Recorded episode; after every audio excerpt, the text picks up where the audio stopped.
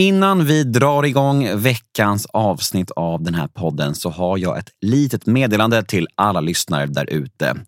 Innan corona drog in över världen så föreläste jag en hel del och detta är något som jag ska återuppta nu. Om ni är intresserade av att boka min föreläsning så kan ni mejla mig på gmail.com. Det är en life story där jag tar er igenom mitt liv. Från uppväxten via kungarna av Tylösand till missbruket och sedermera nykterheten. Det finns jättefina referenser om ni är nyfikna på det. Så ja, jag hoppas jag hör ifrån er och föreläsningen är inriktad till alla, men kanske främst gymnasieskolor och eh, ja, den målgruppen ungefär. Men även arbetsplatser och högstadie funkar utmärkt. Och jag har även gjort vissa offentliga föreläsningar. Det eh, har också funkat väldigt fint. Så ja, jag hoppas ni hör av er till gmail.com. Nu dunkar vi igång veckans avsnitt. Jag eh, kom på sen på eftermiddagen där, bara shit, jag har ju barnen och jag måste hämta dem. Och jag tog eh, bilen då och hade över två promille i kroppen och, och blev stoppad av polisen då. Eh, för de såg att jag körde lite så. Och när jag vaknade upp där i, i, i fyllecellen och fattade liksom vad jag hade ställt till med liksom, så var det, då var det liksom godnatt liksom.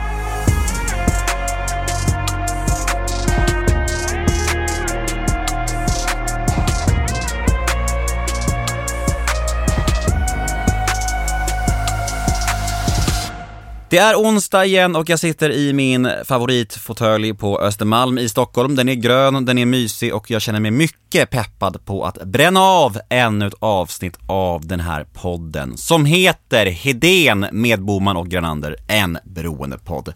Och eh, ja, syftet med denna podd är ju att eh, fortsätta försöka krossa tabun kring beroende. Att försöka hjälpa människor och eh, sprida kunskap om den här lömska, komplexa, märkliga sjukdomen som jag besitter och många av mina lyssnare där ute. Idag har vi en väldigt, väldigt spännande gäst som jag ska plocka in alldeles strax. Han har varit med i podden tidigare, eller inte han personligen, men eh, hans business kan man säga. Det som han står för och det som han brinner för har vi haft som samarbetspartners, så därför känns det jättemysigt att äntligen ha med honom i podden här och eh, ja, jag ska plocka in honom så kan han få berätta sin story själv och vi kommer självklart att prata om den här eh, ja, vad ska man säga, jag vet inte om man ska säga business, det låter så jävla opersonligt, men ni kommer förstå vad jag menar. Vi plockar in honom. Andreas Haglund, välkommen! Woho! Tackar, tackar. Kan man säga business? Hur låter det egentligen? Ja, det är ju en komplex fråga. Vi kan återkomma till det, den frågan. Vi kan väl säga vad det, vad det handlar om först. Det handlar ju om Carrie som är ett, eh, ett slags community, en, en, social medie kan man säga för folk med eh, vår problematik. Exakt. Vi startade ju den eh, appen för att jag själv är ju alkoholist, eller nykter alkoholist. Och när jag började inse att jag hade problem så insåg jag också att det var väldigt svårt att, att söka hjälp.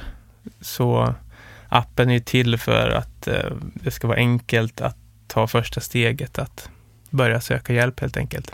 Ja, jag har ju lite erfarenhet av det här just eftersom vi har haft er med i podden. Eh, de första tio avsnitten tror jag att eh, ni var med och sponsrade. Och jag tänker att det fina med just Carrie är ju att Alltså om man tänker sociala medier överlag idag, Instagram och Snapchat och TikTok och allt vad det nu är, så känns det som att mycket handlar om liksom yta, det handlar om kickar, det handlar liksom om det yttre.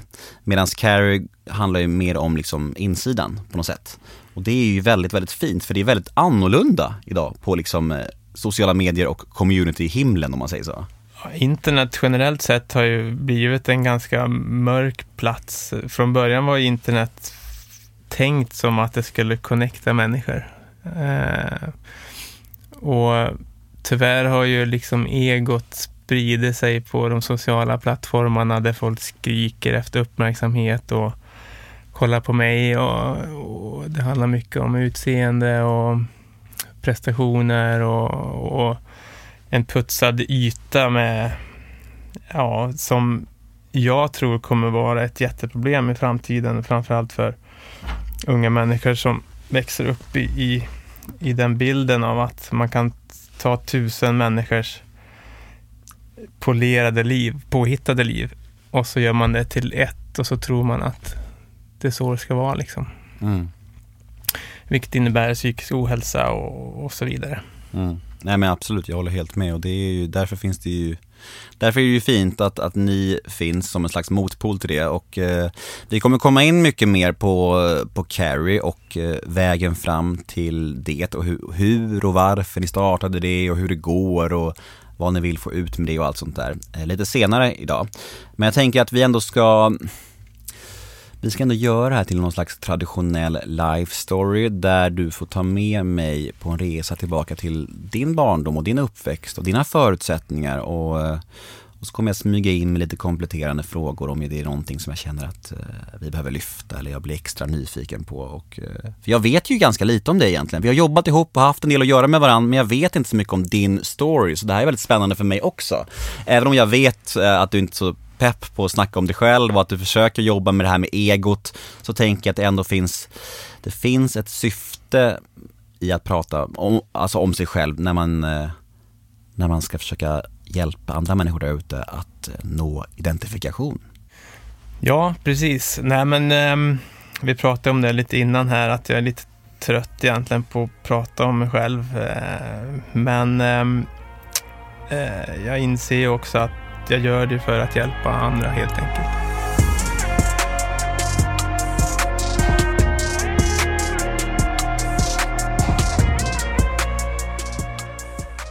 Jag eh, har väl alltid haft den här beroendesjukdomen tror jag.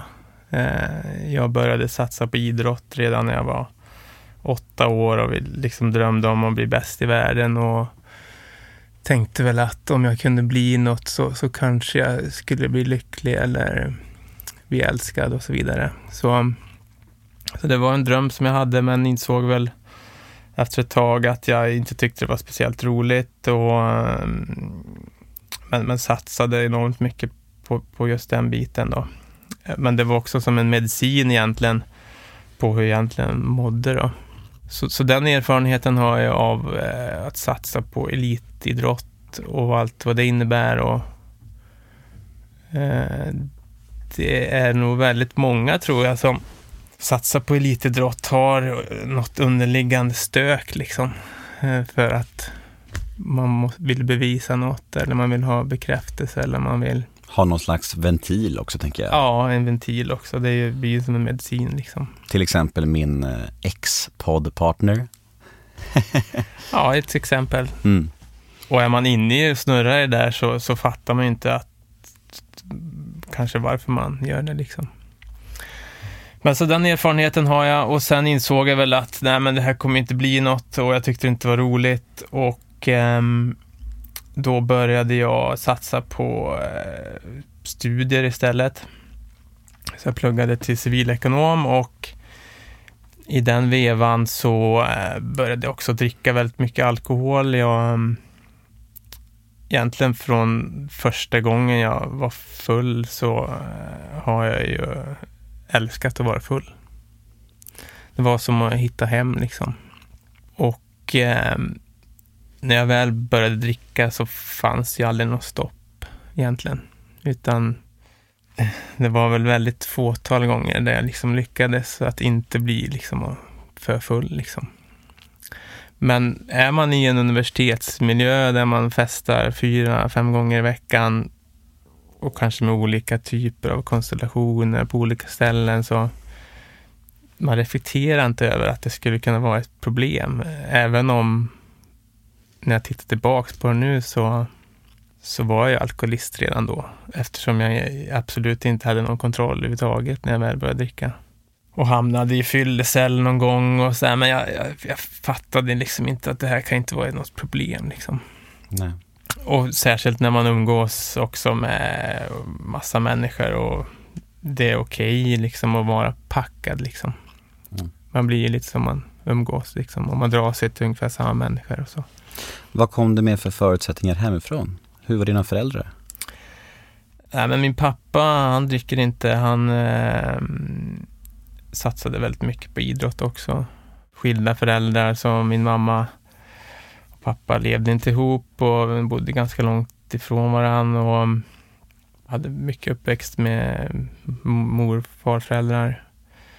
Men eh, när jag liksom tittar tillbaks på min barndom så, så ser väl att det har alltid varit någonting i mig som har eh, varit stökigt. Liksom. Jag har haft svårt att sitta still. Jag är liksom väldigt jobbiga liksom, tankestormar och liksom drar iväg i tusen olika idéer och eh, liksom, liksom flyig person. Liksom. Mm. Ingen stabil person, säg så. Då. Så det ligger väl någonting där och men jag har väl alltid haft en undran över hela världen egentligen. Vad, vad är det som pågår här egentligen? Liksom? det är svårt att förklara, men det kan liksom inte vara så här. Alltså, jag liksom kommer ihåg när jag cyklade runt med min cykel ensam när jag var jätteliten. Liksom, så tittade jag upp mot himlen och sa, vad fan, ska det vara så här? Liksom? Ska det verkligen vara så här? Och det är någon typ av saknad då, va? med någonting. Mm. Men sen kommer du upp i universitetsmiljöer och du dricker mycket och det är inget konstigt för det är en sån miljö och det är inget någon ifrågasätter kan jag tänka mig. Och du dessutom eh, hänger med likasinnade. Eh, och hur gammal är du här ungefär?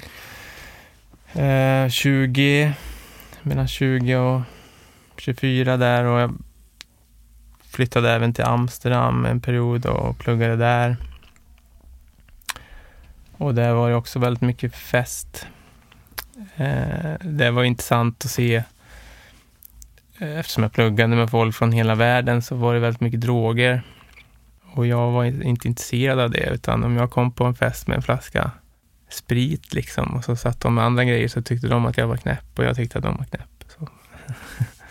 Men eh, så jag festade på där och kämpade på. Eh, Sen började jag jobba, jobbade supermycket. Det var också som en drog, liksom. Ett beroende egentligen. Jag jobbade liksom dygnet runt och ville liksom, jag hade någon bild av att om jag tjänar mycket pengar då, då kommer jag bli lycklig liksom.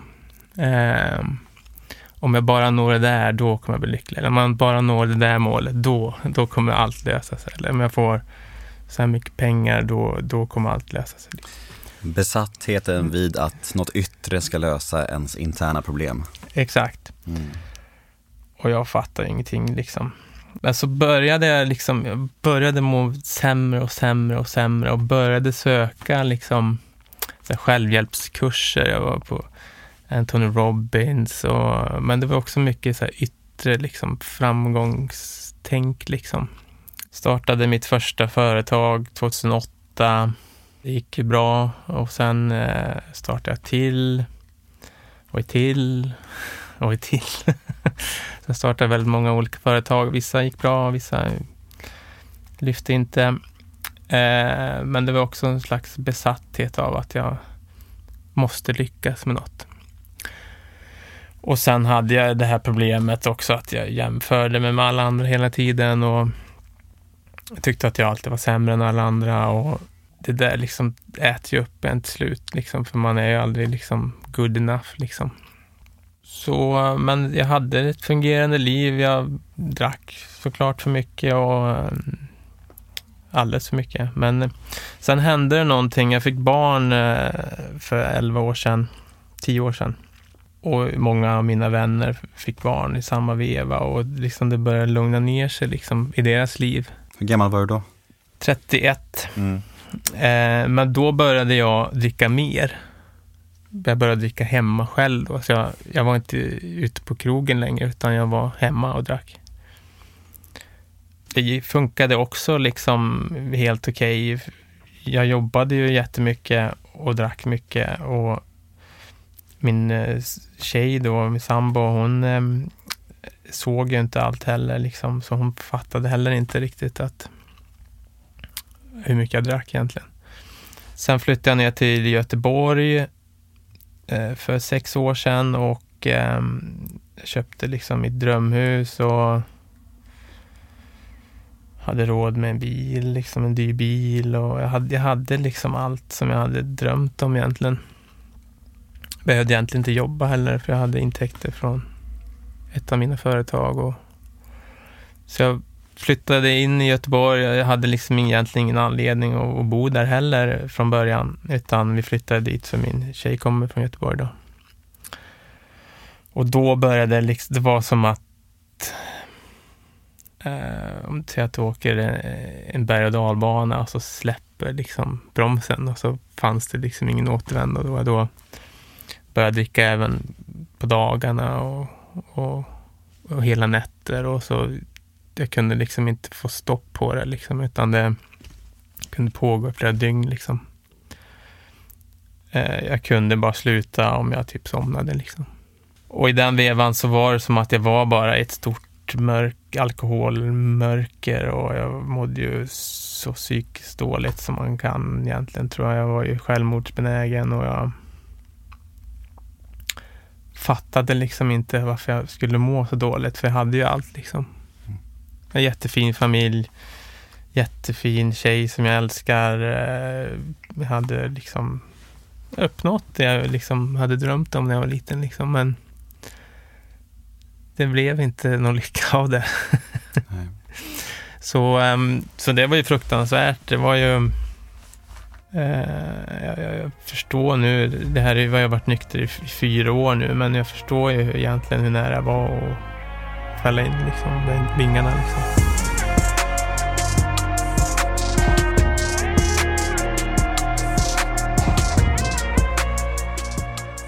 Jag förstod att jag var alkoholist till slut.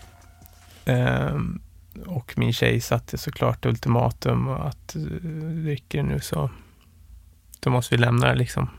Och då så fick jag liksom som en blixt från en klar himmel, så här, jag måste sluta liksom. Så jag, jag ringde runt till släkt och vänner och, och sa, jag är alkoholist, jag måste sluta liksom.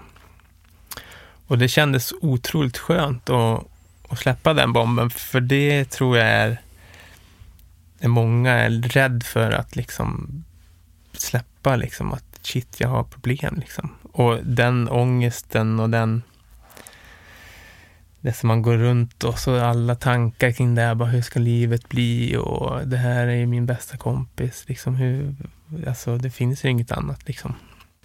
Men jag, jag, jag gjorde det i alla fall och så bara slutade jag och eh, kändes verkligen som att jag har ju slutat med den här skiten liksom. Och började må bättre och så gick jag på något självhjälpsmöte och så gick ner i någon källare där och kände att nej, det här är inget för mig, det är bara alkoholister här. Liksom. Tolvstegs... Eh, ja. ja mm. Det är bara alkoholister här. ja. Mm. Um, undrar vad du sökte efter då, kan man ju undra. ja, jag vet, det är komiskt, är det ju. Uh, men jag, jag, tyckte det var inget, jag fattade ingenting av tolvstegsprogrammet och det var så här, gud, och jag fattade ingenting liksom. Så jag bara slutade. Och sen var jag nykter i sex månader och sen började liksom den här rösten komma tillbaks, liksom att fan, du, du mår ju bra nu liksom. Nu kan du ju börja dricka igen. Det fattar ju du också att du kan. Mm. Och så bara, fan, jag kanske kan det liksom. Det, kanske, ja, men det går nog liksom. Och, och så till slut så åkte min tjej bort. Hon åkte till San Francisco och um, jag var själv hemma med barnen som då var små. Min äldsta dotter var sex år och min yngsta var väl då två.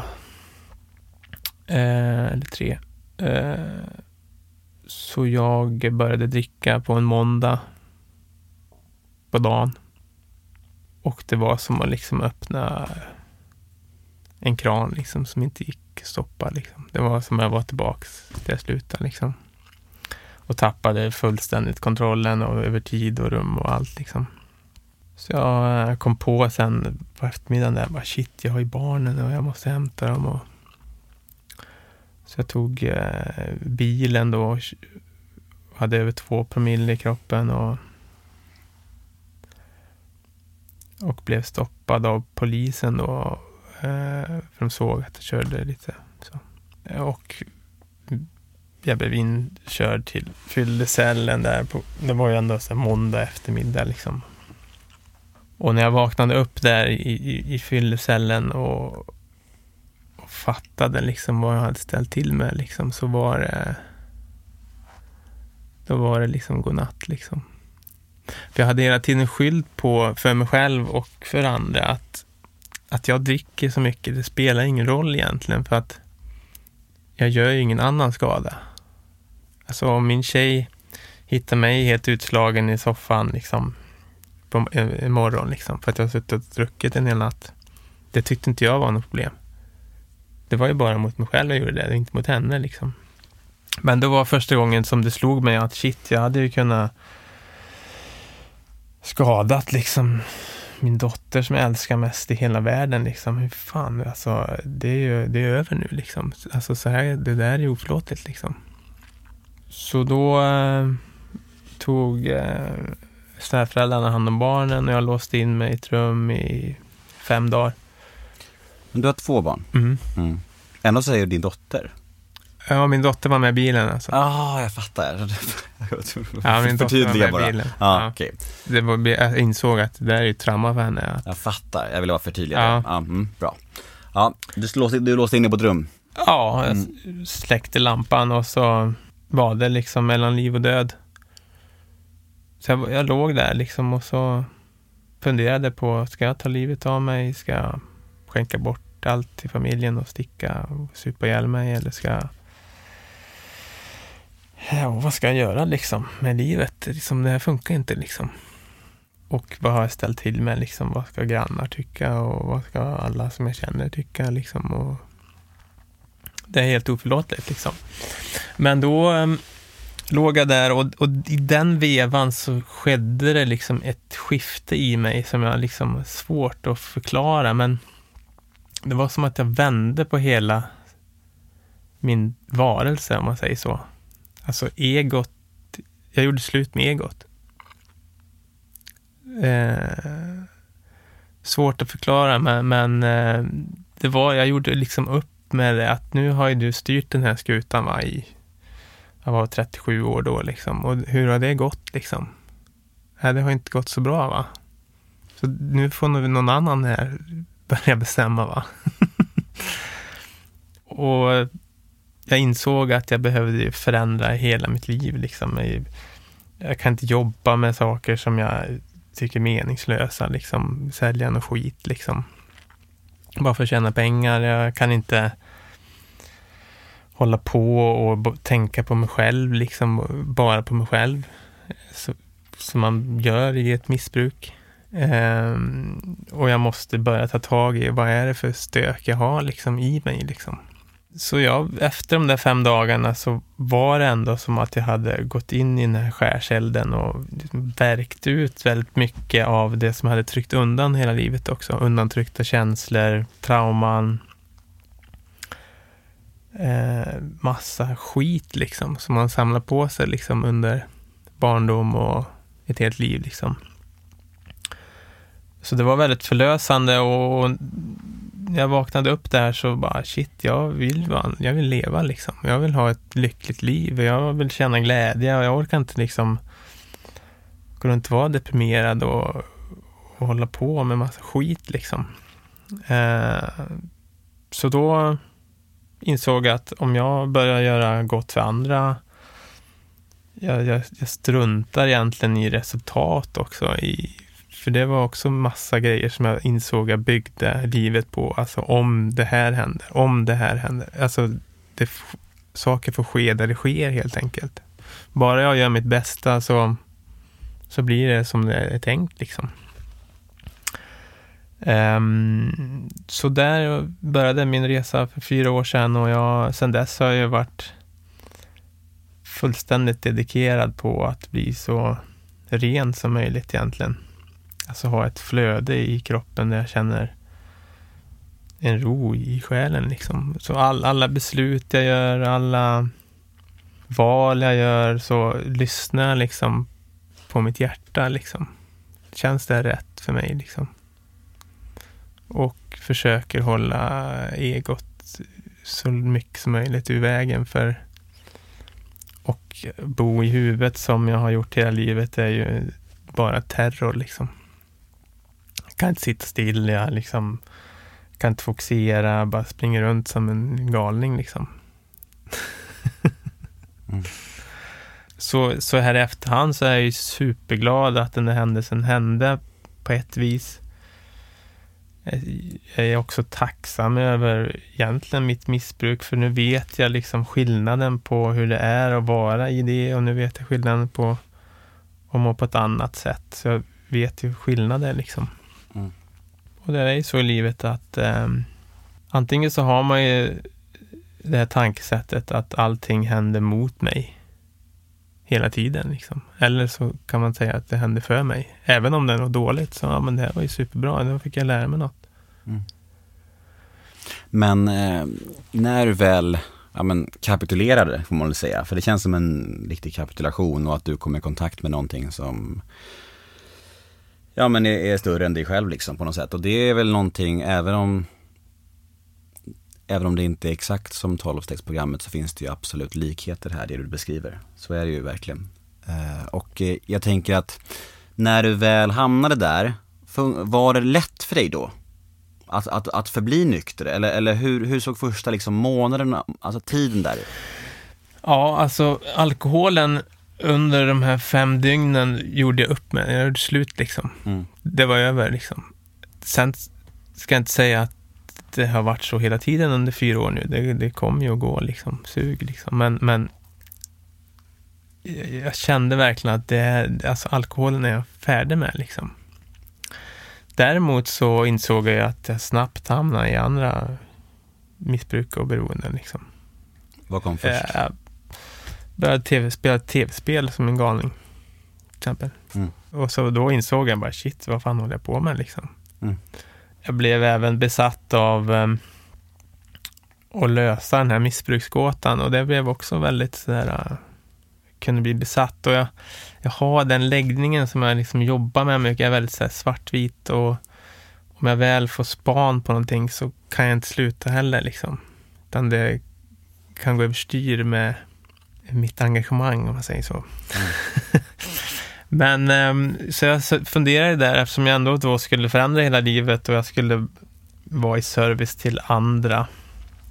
För jag insåg att det är så livet funkar bäst. Att om jag ger så får jag mer tillbaka och det blir ett flöde i hela systemet. Och ju mer jag ger, desto mer får jag tillbaka. Så istället för att det är någon låsning att jag ska bara ha något. Det blir inget bra plus och minus där va. Och då satt jag och funderade så här, vad, vad ska jag kunna göra för något? Ska jag starta behandlingshem med någon? Eller så bara, nej, det känns inte rätt. För jag tycker att det inte funkar så bra med det. För att alla har inte råd att betala de pengarna liksom. Och satt och spånade på jättemycket idéer. Men det jag ändå kom fram till var ju att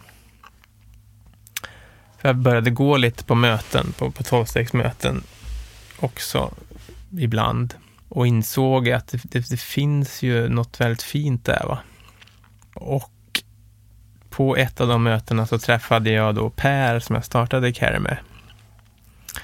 Och sen gjorde vi någon slags egen behandling på varann kan man säga. Så jag har inte gått tolvstegsprogrammet utan jag har gått det ihop med en annan. Och eh, det jag insåg då var ju kraften av att träffa någon annan som är i samma situation. Va?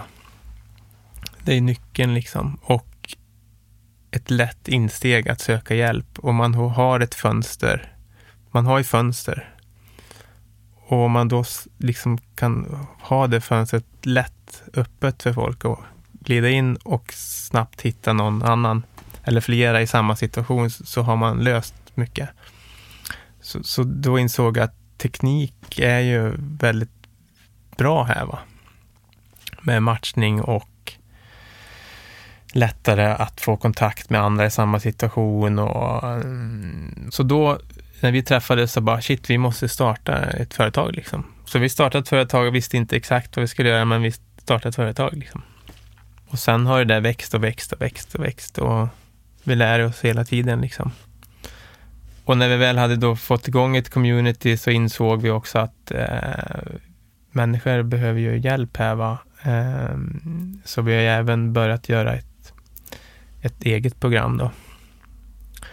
Men samtidigt så inser jag att om man tittar över hela världen och tittar på hur människor generellt sett löser inre problem så är det egentligen inget rocket science egentligen, utan det handlar mycket om eller det är rocket science eh, på ett sätt, att människor är så olika. va? Så vissa människor går igång på en sak, vissa en annan sak och det är därför inte ett program passar alla, utan det måste vara personifierade program för att resonera med varje individ. Va? Och, men grunderna för att bli hyfsat ren handlar ju mycket om det som ingår i ett tolvstegsprogram. Mycket om förlåtelse och eh, söka inåt. Söka inåt, ja. Det är där svaren finns liksom.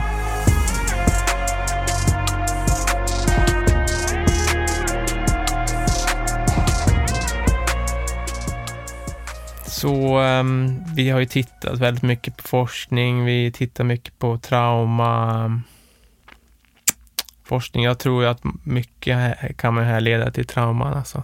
Och där är vi generellt sett dåliga i Sverige, för vi har ju inte haft något krig här. Så där finns det mycket att göra. Det finns mycket att göra i form av data. Alltså jag är ju intresserad av varje människa som har tillfrisknat. Exakt vad var det som hände för att ta beslutet? Att nu vill jag liksom söka hjälp eller nu är det över för mig. Liksom. Eller att åtminstone kanske börja, sen kanske det blir återfall, för det är en del av processen. Men jag skulle vilja veta vad, vad, vilka händelser och vad hände för att det där ska klicka in liksom. Mm. Och kan man då få reda på, säg hundratals miljoner människor, vad var det som hände egentligen? Då skulle man kunna bygga en modell som är rätt intressant. Um, och sen att förbli nykter och bli nykter och ett behandlingsprogram kan ju också bli väldigt intressant med teknik och, och machine learning och kanske även AI i framtiden. Att samla in, få in data på exakt vad är det som funkar för varje personlighet och bakgrund och om man är på ett visst sätt så kanske det här passar bättre. Eller om det här är på ett visst sätt så passar det bättre. Så det är väl någon slags dröm jag har i, i, i framtiden, liksom, att lösa den här missbruksgåtan. Liksom. Och sen inser jag att det här kommer ju kosta skitmycket pengar, liksom.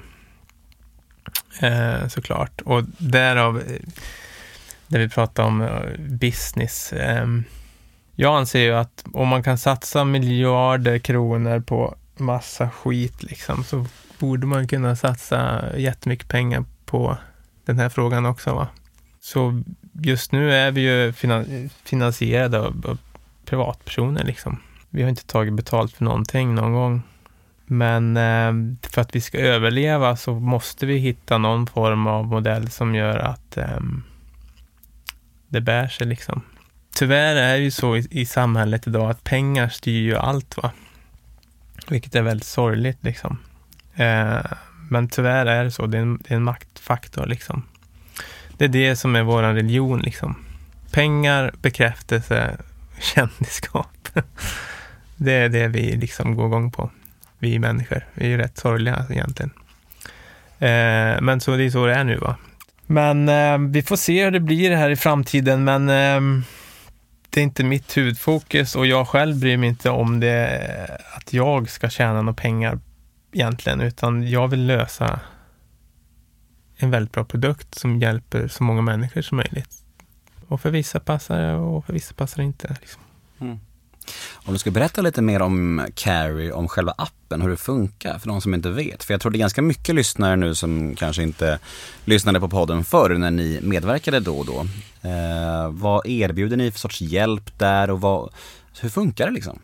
Ja, det ändras ju också lite hela tiden, men, men i grund och botten så är det ju ett community där, ett självhjälpscommunity, påminner lite om Facebook eller Instagram, men du kan vara anonym, du har bara ett nickname. Och eh, på sättet människor blir hjälpta nu är ju att, eh, på massa olika sätt, men eh, man kan bli vänner med folk där och det vill säga hjälpa varandra privat. Man kan eh, vara med i flödet eller i communityt och ta del av andras erfarenheter och utmaningar och, och hjälpa varandra på så sätt. Man kan eh, gå in på massa olika övningar. Det finns massa övningar i olika former. Eh, vi har ett care-program som vi kallar det som eh, också innehåller mycket av det vi pratar om börja jobba med sitt inre. Det finns även en väldigt unik funktion som inte finns i världen och det är att man kan starta anonyma ljudmöten, delningsmöten då. Så vi kallar det för instant audio rooms. Du kan starta ett möte nu och så hoppar folk in. Mm. Så du kan ju få hjälp liksom rätt snabbt.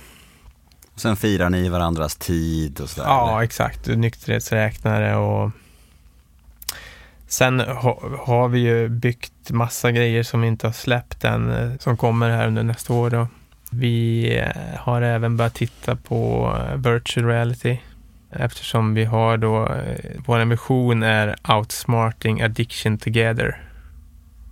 Vi ska bli smartare än den här skiten va. Mm. Och vår mission är att vi ska lösa missbruksgåtan genom teknik. Mm. Och då finns det ju massa olika typer nu och det växer ju mycket nu.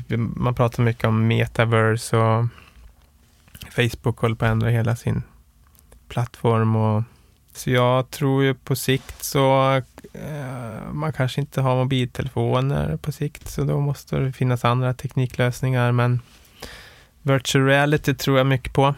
Jag har massa idéer. Det är nästan som jag går runt i, i den världen nu och leker lite. Men dina barn, mm. hur gamla är de idag? Sju och eh, tio. Har du berättat för din, din stora flicka om händelsen i bilen? Eller minns hon den? Mm. Absolut. Sen den händelsen så har vi pratat om den enormt mycket. Alltså. Enormt mycket. Anledningen varför jag kan ändå sitta och prata om det så här är att hon har inte upplevt det som ett trauma liksom. För att vi började prata om det direkt. Och eh, jag pratar med mina barn också om att jag inte kan dricka alkohol jag blir konstig då. Så för dem är det liksom ja, ingen big deal liksom att och de kan säga även till liksom andras barns föräldrar att pappa han dricker inte alkohol för han blir konstig då liksom. Så men den yngsta har jag aldrig sett något liksom. men, det, men det känns ju fantastiskt att man kan ha den dialogen och, och verkligen prata om det liksom. Men jag är öppen liksom med alla människor om allt. För jag inser att eh, när man gömmer undan saker i sig själv så, så tenderar det att bli inte så bra va? Nej, det är ju också en en del i 12-stegsprogrammet. Det här mm. med att ha hemligheter, det är inte så bra för oss med beroendesjukdomen. Nej, exakt. Så det, det är inget bra. Samtidigt så kanske man inte ska fläka ut sig för mycket, men... Men, um... men det är ju en balans, som allt annat du vet. Alltså det är så här, det, det är liksom, får även jag tänka på. Alltså man, man det var ju delvis också därför som jag sa till dig att Magnus klev av podden för att han kände att det blev lite mycket med att ja, men, prata om sig själv och han ville ta ett steg tillbaka, just det där. Eh, och, och, det är ju klart att man, man kan känna så i perioder att man känner att man fläker ut sig för mycket och att det blir för mycket, man känner sig som ett öppet sår, helt utblottad, helt tom. Men, men då får man ju göra en liten avvägning där, okej okay, är det värt det här nu? Alltså kommer jag hjälpa människor med det här eller vad har jag för motiv här liksom? Var, var, varför gör jag det här just nu? Alltså så här, om jag bara gör någonting av helt andra anledningar, då är det kanske inte är värt det. Men om jag gör någonting, till exempel nu, du är med i den här podden och pratar om din historia, ja då kanske du känner dig lite utfläkt och tom efter, men du har också gjort det för the greater good på något sätt. Eh, så det där är ju en ständig avvägning liksom. Ja, exakt. Så det är ju, men, men det där är också någonting som i, i min personliga resa har jag ju verkligen anammat det där att verkligen börja lyssna. va det pågår ju någonting här inne i huvudet. Va? Det, är, det är en röst som pratar och så är det någonting som lyssnar och så är det någonting som observerar. Va? Lite som eh, den här munken pratar om, Björn Natthiko och Lindeblad, att vem är det som tittar ut egentligen genom ögonen? Och när man börjar bli medveten om allting som pågår så det här med medvetna val, om man verkligen lyssnar, liksom, här, är det här rätt? Eller kommer det här från mitt ego eller för att jag vill få ut någonting av det personligen? Då, för mig funkar det, det liksom inte längre. Jag, jag försöker verkligen hålla mig undan det. Alltså. Så, så det, det är en väldigt intressant eh, aspekt. Alltså. Mm. Jag tror också det där är någonting som växer fram för många av oss. Att, att man kanske inte kan separera det där riktigt i början när man är nynykter eller när man fortfarande är så rör i skallen av ja, med substanser och, och trauman och rädslor och så här. Sen så när man har några år in i det här nya livet så kommer nog mycket av de där tankarna och reflektionerna som du beskriver fram på ett annat sätt. Liksom. Och man får börja göra den här avvägningen för sig själv. Liksom, att ja, men inventera sina motiv mycket. Det, det tänker jag på mycket. Varför gör jag det här? Varför gör jag det här nu? Liksom. För mig är det svinviktigt. Eh, och då, om, jag, om, om jag tänker så, alltså på mina motiv, då blir det lättare för mig att separera. För att om jag bara går på känslan, då hamnar jag jättelätt i det där egot som du beskriver. För att det är jättegött med bekräftelse och det är jättegött med men vad som helst i den världen liksom. Men om man börjar tänka på, okej okay, men varför? Varför ska jag göra det här? Och kommer jag få någonting, alltså kommer det, kommer det hjälpa folk? Eller kommer det göra någonting bra för liksom helheten? Eller kommer det bara göra en kortsiktig kick för mig? Då blir det liksom så här, då kanske inte svaret, alltså svaret som kommer till mig kanske inte är det som jag vill ha. Och, och, och som är härligt. Det kanske är, men, men det är oftast det som är det bästa i längden, om man säger så. Ja, det, det, där har jag jobbat otroligt mycket med. Jag har ju tagit eh, nästan lite för långt kanske, eh, vissa tycker, men eh, ja, ja, jag har ju hört lite. Men, men eh, till exempel så började ju med liksom, och bör, så, bör, alltså medvetenhet om vad är det som jag håller på med.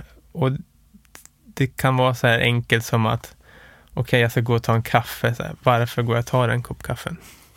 Och så går jag där och så tar jag en kopp kaffe och så funderar jag, så här, varför tar jag den här koppen egentligen? Är det för att slentrian eller är det för att det är, det bara, det bara händer? Eller är det för att jag vill få ut någonting av det? Har jag någon intention med att dricka den här kopp kaffen? Liksom? Gå på toaletten är ganska enkelt och förstå, ja men jag behöver gå på toaletten för att. Och så jag har byggt upp egentligen hela livet så, så varför jag gör det här för. Mm. Och varför jag inte det här. Um, och när man börjar bli medveten om det så blir det liksom lite enklare att navigera även i den här inre miljön då, och börja lyssna på. Det finns någonting i alla människor som eh, sitter i hjärttrakten någonstans där det finns en röst som är sann. Liksom. Så det gäller att börja lyssna på den. Men sen har det tagit extremt långt nu. Jag körde en diet här på över 40 dagar där jag liksom åt ingenting egentligen. Jag åt inget salt, inget socker, jag åt inga... Jag åt egentligen ingenting och det jag åt smakade ingenting. Och drack inget vatten heller, jag drack bara någon sörja från någon rot och... Drack inget vatten, det är så jävla extremt. Jag har aldrig ens hört om en diet som innebär inget vatten. Det är, det är fan det sjukaste jag har hört. Eh, och um, var mycket ensam också. Jag sov eh, i eget sovrum och det hade varit nice om du sa så här, jag sov inte någonting heller. eh, nej, jag gjorde men, men då, då började jag inse liksom, vad är det som pågår egentligen? Va? nu är vi där igen. Ja. Exakt, det, det, som, det, som när jag var liten. Liksom. Exakt, du får äntligen svaret på din fråga ja. som du hade som ung. Ja. Bra, grattis till det. Det är så mycket stök va? Ja, jag förstår det. Mm. Så, eh... Men hur medveten vill man bli om allt det där stöket tänker jag? För det kanske bara gör en eh, mer frustrerad och mer galen tänker jag. Om man blir för medveten om allt som är knas. Ja, men det har ju det där med eh, så fort du lämnar ut egot så, så blir det inget problem för att jag kan ju gå ut här på gatan och så gå ner på Stureplan här och så kan jag bara titta på folk. Vad håller ni på med liksom? Ni springer runt här som yra höns hela högen liksom. Ja men jag, jag, jag, jag, jag hör vad du säger, men då blir man ju snabbt lite dömande och oödmjuk. Ja men det var det, var det jag ville komma till, att mm. om man då är i egot så blir det ett dömande liksom, att jag vet något som inte ni vet. Mm. Och det funkar ju inte. Då är man ju eh, exakt likadant på plats som man var när man var missbrukare. Liksom. Mm. Däremot så kan man ju skita i alla andra. Då. De får väl hålla på med vad de håller på med. Det behöver inte jag liksom lägga mig i. Liksom. De har väl sina anledningar. Liksom. Och så länge man struntar i dömandet, då blir också livet otroligt mycket enklare. Mm. Och eh, ser man det ännu längre så kan man ju titta på en människa som är i sitt stök. Om man kan kalla det så. Då. Eller i sina tankar, eller i sitt huvud. Men det finns ju någonting bakom det också. Jättefin människa liksom. Men som har sina utmaningar och levt sitt liv. Så, så alla människor är ju olika och alla har sin resa och, och ingen är bättre eller sämre än någon annan. Liksom. Återigen det här med jämföra, döma, det är helt meningslöst ju. Du, eh, nu ska vi köra ett litet segment i den här podden som heter The House svarar.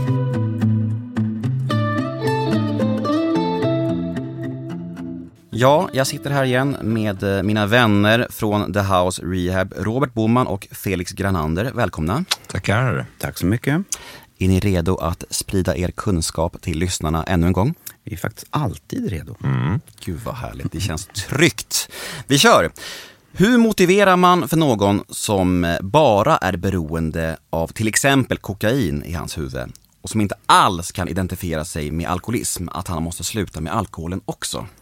Nej, men många kommer ju faktiskt in och ser att det finns en problemställning när det kommer till en viss substans. Och det är ju ofta att vi bara tittar på den. Vi stirrar bara på den och egentligen beskyller den substansen för alla kringliggande problem. Och får vi bara bort den så kommer det bli så mycket bättre. Får jag bara bort laddet, då kommer det faktiskt bli lugnt. Liksom. Det är på grund av laddet det sätter igång i tre dagar, liksom. det här tre dagars racet om och om igen.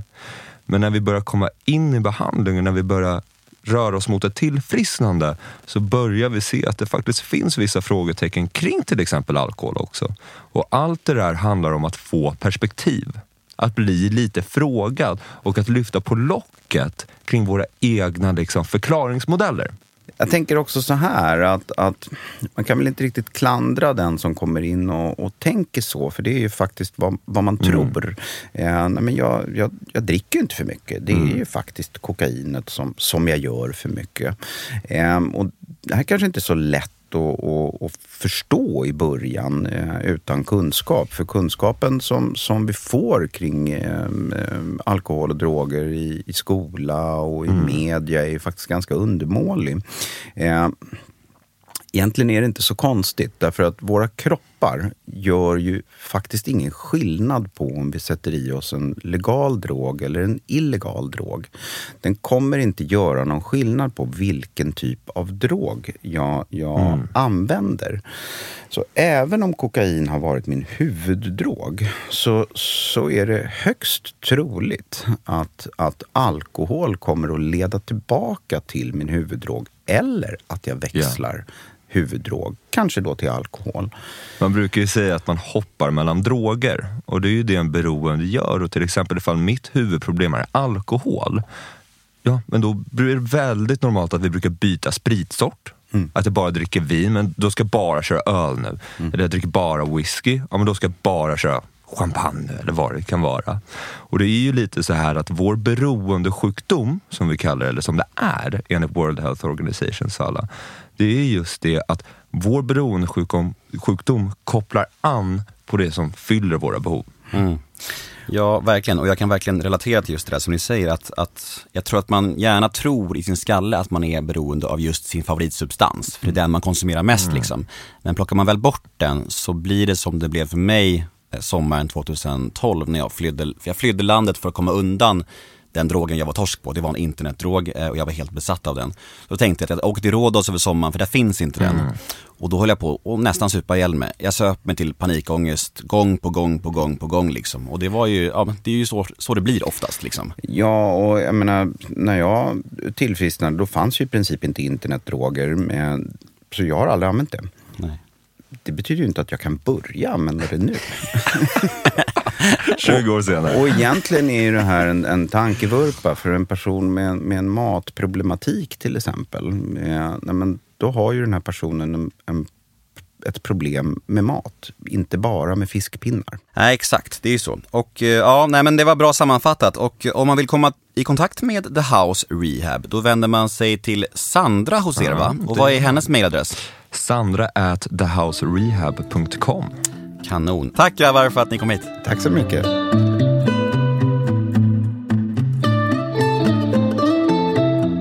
Mm. Tack grabbar för att ni är med och möjliggör den här podden. Det är en fröjd att ha med er och ert fina behandlingshem. Ehm, ja du Andreas, hur, hur känns det här förresten? Du var ju inte aspepp innan du kom hit. Känns det lite bättre nu eller känner du dig tom, utblottad och utmärglad? Nej, men det känns bra tycker jag. Absolut. Ehm, jag vet inte om det kan hjälpa någon där ute, men ehm, det sista som jag skulle vilja förmedla är ju att det finns liksom någonting annat om du är i ett missbruk. Liksom. Det finns det. Och även om man inte tror det så, så livet blir ju enklare. Liksom. Och även om det är mycket jobb som krävs. Det krävs ju mycket jobb. För att du har ju massa eh, saker i dig som du behöver rensa ut helt enkelt. Det är en tung ryggsäck som behöver tömmas. Mm. Men det är värt det. Mm. För annars hade inte du och jag suttit här och fortsatt att vara nyktra år ut och år in om vårt tidigare liv var bättre och roligare. Så är det ju. Exakt. Det är ganska, ganska enkelt egentligen. Mm. Uh, nej men jag tycker det var fint att få ha, ha dig här och uh, intressant att höra din story och uh, jag tycker om att det liksom blev lite annorlunda, att vi pratar om mycket annat också. Det blir lätt så att ibland kan poddarna bara bli en klassisk live story, liksom hur det var, vad som hände och hur det är idag. Men nu pratar vi också om mycket annat, dels Carrie men också det här med ja, men medvetenhet och söka inåt och eh, våra egna tillfrisknanden. Du har ju en egen variant på 12-stegsprogrammet om man kan säga så liksom. Och det har funkat för dig liksom. Mm. Och det där är någonting som jag har blivit mycket mer eh, öppen inför nu senaste året skulle jag säga. Eller framförallt jobbet med den här podden. Att man får höra historier från andra människor som har eh, nyktrat till och tillfrisknat eh, med andra metoder och hjälpmedel och, och på sina sätt och ändå sitter här och mår bra. Och vem är jag då och förneka dem att de klarade det liksom. För när jag var nynykter i programmet så var jag nog väldigt militant och väldigt såhär, ja men det, man måste gå den här vägen för annars kommer man ta återfall och dö liksom. Och jag tror det är jättevanligt för folk som tillfrisknar i 12-stegsprogrammet att man blir så i början. Eh, men för att, man är, för att man själv har hittat en lösning liksom. Man är så frälst och man är bara så här: shit, det här funkar verkligen. Då vill man få alla andra att fatta det också. Men sen med åren så har jag verkligen blivit mer nyanserad nu och kan sitta här med dig och känna att du har hittat någonting som funkar för dig och eh, det finns många lösningar och det är ju jättefint. Nej, men jag eh, tycker det är fantastiskt att se människor som har eh, tillfrisknat i ett tolvstegsprogram, som har gjort det liksom på riktigt. Som har förstått programmet på riktigt. Det är otroligt fint att se de människorna tycker jag. Sen kan det finnas vissa tendenser, och det här med, det är lite det du var inne på, att om man väl har hittat sin lösning så tror man att det är en lösning för, för alla. Mm. Och och då är man ju där igen, va? det här med jag har rätt och du har fel. va? Exakt, man blir dömande och man tappar sin ödmjukhet och eh, just ödmjukheten ska ju vara liksom A och O i programmet typ. Mm. Eh, Så det är, det är lite lurigt det där, att man hamnar på de höga hästarna liksom.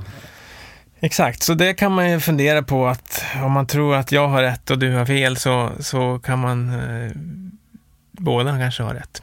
Verkligen. Det går inte att förneka en annan människa, alltså dens välmående om den, om den sitter framför en och faktiskt har, har lyckats komma dit. Det går, vem är jag att säga så här, nej men det här funkar inte för dig. Alltså det blir jättekonstigt liksom.